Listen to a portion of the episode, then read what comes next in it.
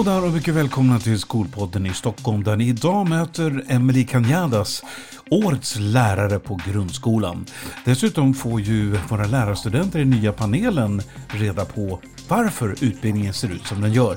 Dessutom möter ni Thomas Gunnarsson, en av eh, Sveriges mest anlitade föreläsare. Han berättar om sin skoltid. Och jag heter Björn Fridlund och ni är mycket välkomna till Skolpodden i Stockholm. Ja, vi börjar ju Skolpodden i Stockholm med lärarpanelen. Lärarpanelen som ju utgörs av Gustav Jakobsen och Karin Bolin som båda två är lärarstudenter.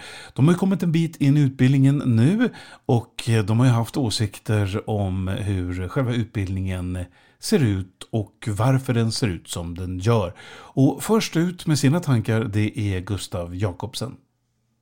Uh, ja, alltså om man tänker på till exempel att jag kanske skulle vilja studera vidare till exempel till eh, speciallärare med speciell inriktning då. Eh, där hade jag kanske velat se liksom en förändring för att det är ganska krångligt att ta sig dit. Alltså det, det, det tar lång tid att ta sig dit. Det krävs liksom en tre års erfarenhet och sen också ett och ett halvt år då eh, studier igen. Och ja, jag vet inte, det känns som att det blir onödigt krångligt på något sätt. Så det är väl någonting som jag har tänkt på just på grund av att jag ser liksom ett steg längre. Mm. Att, det jag... är, att det är en slags påbyggnadsutbildning? Ja, precis. Det känns som att det hade kunnat vara någon sorts eh, eh, specialinriktning som man kanske kan liksom läsa samtidigt eller något i den stilen. Det, jag har inte superbra koll på exakt hur, mm. hur det fungerar. Men det känns liksom som att om det har varit brist på lärare då måste det vara ännu större brist på speciallärare tänker jag. Och till hjälp för lärarpanelen och oss andra så har vi Katarina Reiman som är universitetslektor vid Stockholms universitet som då ger svar på just den här frågan om eh, speciallärarutbildningen. I vissa länder är det ju så att man kan bli speciallärare, man söker inte till en speciallärarlinje och sen blir man speciallärare. Men, men här är det inte så. Det här är ju egentligen någonting som, som där vi följer förordningen. Förordningen säger, alltså den som, som bestämmer över hur, hur lärarutbildningen ska se ut. Och där står det att, att eh, speciallärarutbildningen är en påbyggnadsutbildning och det betyder att man måste ha en, en grundlärarutbildning, en lärarutbildning i grunden för att sen bygga på med specialpedagogik och vad det är annat som ingår. Men apropå vad, du, vad vi tycker om eh, utbildningen så tycker jag ju att den är så otroligt teoretisk. Och det är ju bra, för jag tror att eh, jag tror man kommer vara glad för det i slutändan, att man har så mycket ja, men liksom, hård fakta om, alltså väldigt mycket lärande teorier. Men man märker ju också när man är ute att det är så avlägset. Så mycket lektionsplaneringar som vi har hållit på med i lektionens olika faser och så ska man dela ut papper och eleverna ska bara svara på de där frågorna.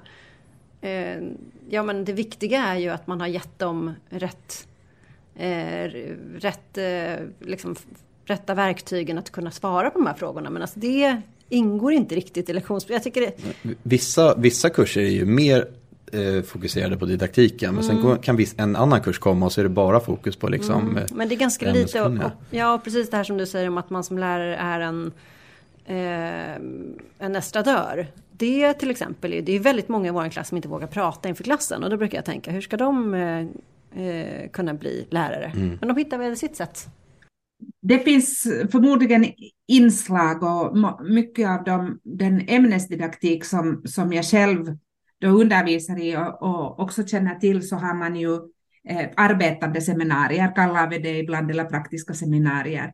Eh, men, men att få, få till en, en riktig elevgrupp, det funkar inte riktigt på universitetet. Men däremot får studenterna ibland öva sig på varandra, det vill säga de får hålla anföranden eller de får ge en instruktion eller de får leda någon, någon eh, aktivitet och så vidare. Men eh, jag kan hålla med om att det kunde säkert vara mer och jag förstår mycket väl studenter som tycker att man gärna skulle öva sig lite mera. Det är ju det VFU sen är till för, att få faktiskt komma ut och pröva vingarna. Men att eh, det här att eh, känna in, liksom känna av situationen. Här, när kan man gå vidare? När ska man stanna upp? Det, det läser vi bara om i teorin. Det är ju ingenting vi får träna på. Utöver. Nej. Jag, jag pratade med min handledare om det häromdagen. Och han tycker att det är alldeles för lite praktik till exempel. Mm, mm. Han tycker att det borde vara mycket mer praktik. Och gärna typ en dag i veckan under hela utbildningen. Mm. Alltså så att man hela tiden får förankra det som man läser. Jag tänker att det är en fantastisk tanke och det skulle säkert vara väldigt bra att göra på det sättet. Men, men, men det finns några nackdelar och det är ju det att om man är ute en dag i veckan så får man kanske inte riktigt en kontinuitet med sin klass eller sin elevgrupp eller, eller ens med sin handledare för att man är där för sällan. Så det, det kan vara en sak. Man gör så att säga sådana små inhopp. Eh, man kan inte planera framåt.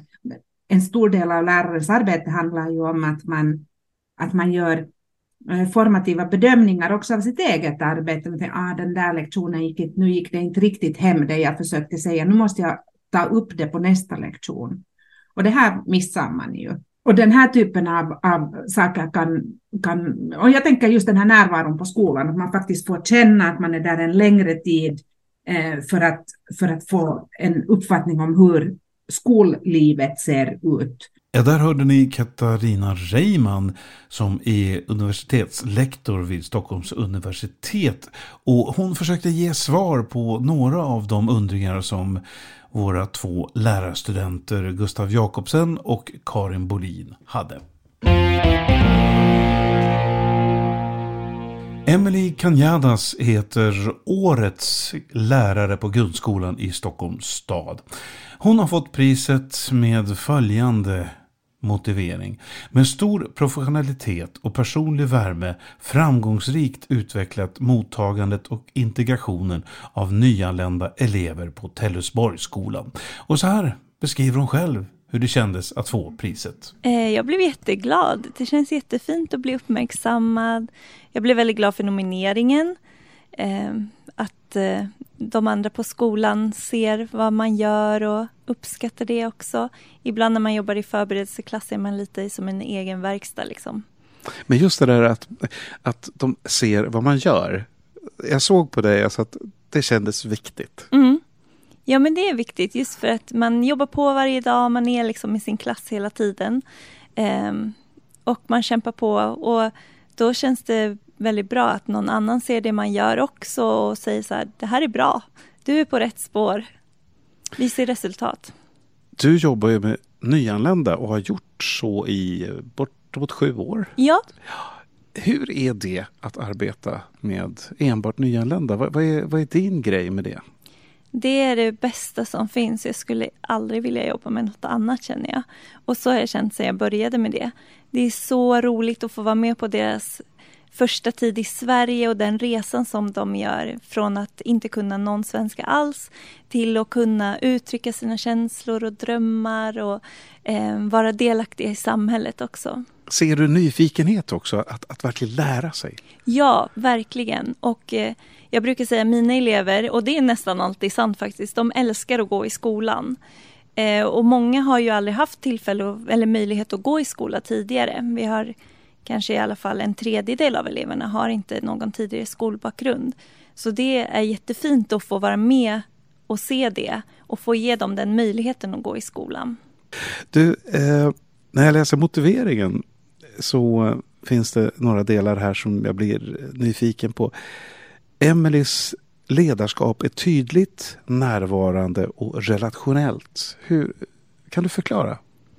Mm, ja, men jag tycker att det för att eleverna ska eh, kunna lära sig någonting eh, så tycker jag att det är jätteviktigt att man först har trygga relationer på plats. Att man verkligen lägger tid eh, på att bygga relationer med eleverna. Och att man visar intresse för dem och deras tidigare erfarenheter. Eh, visa att det de har med sig hit är värdefullt även om de inte har gått i skola tidigare. Eh, och och eh, genom att vara nyfiken också så får man ju dem att börja använda språket mer också. Det står i motiveringen en annan del också som jag gärna skulle vilja höra lite mer om. Det är att du ser också elevernas hela livssituation. Mm. Vad tror du att juryn menade med det? Jag tror att de menar att jag försöker engagera mig i elevernas eh, i allt som rör dem. Eh, vi brukar hjälpa dem att hitta fritidsintressen. Eh, vi försöker hjälpa dem att eh, komma på plats i sina ordinarie klasser när de går ut i dem och hitta kompisar. Eh, vi har väldigt mycket kontakt med föräldrarna också, eller andra vårdnadshavare. Just för att vi tycker att det är en väldigt viktig framgångsfaktor för dem att ha mycket kontakt med hemmet. Du, innan vi satte igång och spela in så pratade vi ju lite grann om det svenska språket och hur det kan uppfattas. För det är inte lätt att lära sig svenska. Och, och med den utmaningen som du står inför, men framförallt dina elever. Vad, vad, vad, tänker du om den utmaningen de tar sig an utifrån just det, hur svenska språket är så speciellt? Jo, eh, jag, det, det är som du säger, det är en enorm utmaning. Eh, dels att lära sig språket men också att vara ny i Sverige. Och kanske extra mycket för, för dem som är ungdomar att komma som tonåring till ett nytt land och lämna alla sina kompisar och sitt sociala sammanhang. Kanske man inte har träffat sina föräldrar på väldigt många år för de har varit i Sverige och jobbat och man har bott hos mormor och morfar eller, eller så har man varit på flykt under många år. Eh, den omställningen är jättetuff. Och att samtidigt då lära sig ett nytt språk, det, det, gör, det gör det till ännu större utmaning. Men jag kan tänka mig att eh, ni hamnar i situationer som är ganska roliga också. Jo, men vi skrattar jättemycket. Eh, vi skrattar väldigt mycket tillsammans i klassen. Eh, ibland skrattar de åt varandra, men det är hjärtligt. Och det är jätteviktigt tror jag att skapa ett klimat i klassen där det är okej att göra fel. Nu har du fått det här priset, Årets lärare 2023. Hur ska du toppa det nu då? Ja, det blir svårt. Kanske min klass kan bli vald till Stockholms bästa klass eller något. Emelie, så roligt att du tog dig tid att vara gäst i Skolpodden i Stockholm och jag önskar dig all lycka för det kommande året och de kommande åren. Och eh, Lycka till med dina elever och allt som ni företar er. Och så kom på något bra nu att göra, eller använda de här pengarna till. Tack så mycket. Tack för att jag fick vara med. Ja, där hörde ni Emily Canyadas till vardags lärare på Tellusborgsskolan i Midsommarkransen som ju blev utsedd till Årets grundskollärare i Stockholm 2023. Han är en av Sveriges mest anlitade föreläsare, men han gör också mycket gott för eh, skolorna, inte minst skolorna i Stockholm, där han också föreläser och berättar om vikten av att dela med sig av sin egen energi till andra. Genom att hjälpa sig själv hjälper du också andra. Och personen jag tänker på det är Thomas Gunnarsson som eh, här ska berätta lite grann om hur det var när han gick in i skolan som sjuåring en gång i tiden. Ja, det där är ju alltid intressant det där, hur mycket minns vi eller har vi fått det återberättat? Men jag tror mig minnas första skoldagen eh, och lite annat där. Eh, jag kommer ihåg eh, bland annat att eh, ja, inte första skoldagen, men att eh, jag skulle föreläsa om rödhaken. Och jag var lika röd i ansiktet som, som rödhaken är på bröstet. Så det, det är sådär här jag kommer ihåg att hur, hur jobbigt jag tyckte det var. Och jag var ganska blyg som en liten pojke. Men vilken kontrast mot det du gör idag när du eh, föreläser på eh, ja, stora scener. Mm. Har du ser du någonstans bakåt och tänker lite grann på den här lilla blyga Thomas? Ja, men det, det kan jag faktiskt göra. Ehm, och det är många saker när jag tänker tillbaka på skolan. Och det var ju väldigt många år sedan jag gick i skolan. Jag brukar säga att det var på Hedenhös tid och det var ju ett tag sedan. Ehm, så Ja, jag, eh, som jag vet idag så, så har jag ADHD och det visste man ju inte på den tiden. Så jag hade ju svårt att sitta still, jag hade svårt att fokusera och så. Så att jag blev lite busig där i skolan. Jag kommer jag kom ihåg en gång att jag hade, jag hade skrivit en uppsats i, jag kommer inte ihåg hur gammal jag var, om jag var kanske ja, åtta år, nio kanske. Vi skulle skriva en uppsats om vad som helst och eh, på den tiden så bodde jag faktiskt i England med min eh, familj. Min pappa hade fått jobb där. Och då tänkte jag, då ska jag skriva om eh, en penny. En penny det är som var, var som en femöring på den tiden, ett mynt. En pennys dag i London.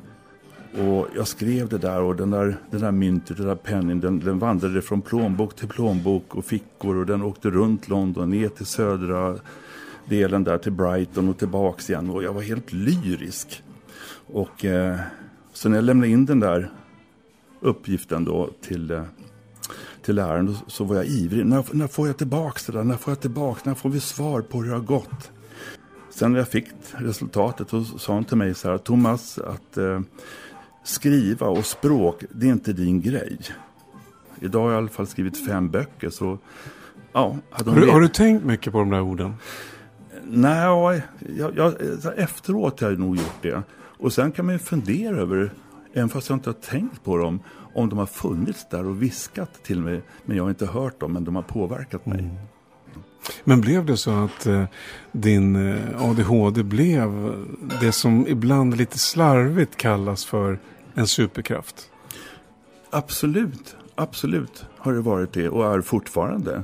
Att jag eh, eh, är kreativ och att eh, när jag fokuserar på vissa saker så går jag all in så gör jag det nästan perfektionistiskt. Och det kan jag se idag när jag föreläser så jag är extremt noga med förberedelser och genomförandet. Och sen utanför det där, då kan det vara lite mer stökigt.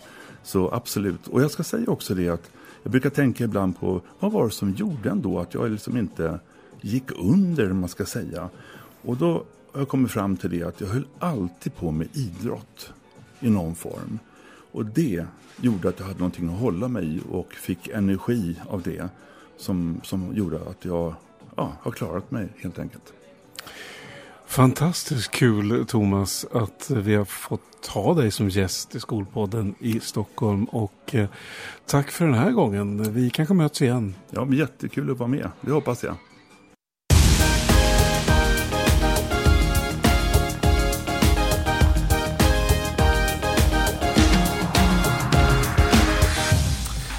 Idag så har ni fått träffa Emelie Kanyadas, årets grundskollärare i Stockholm 2023.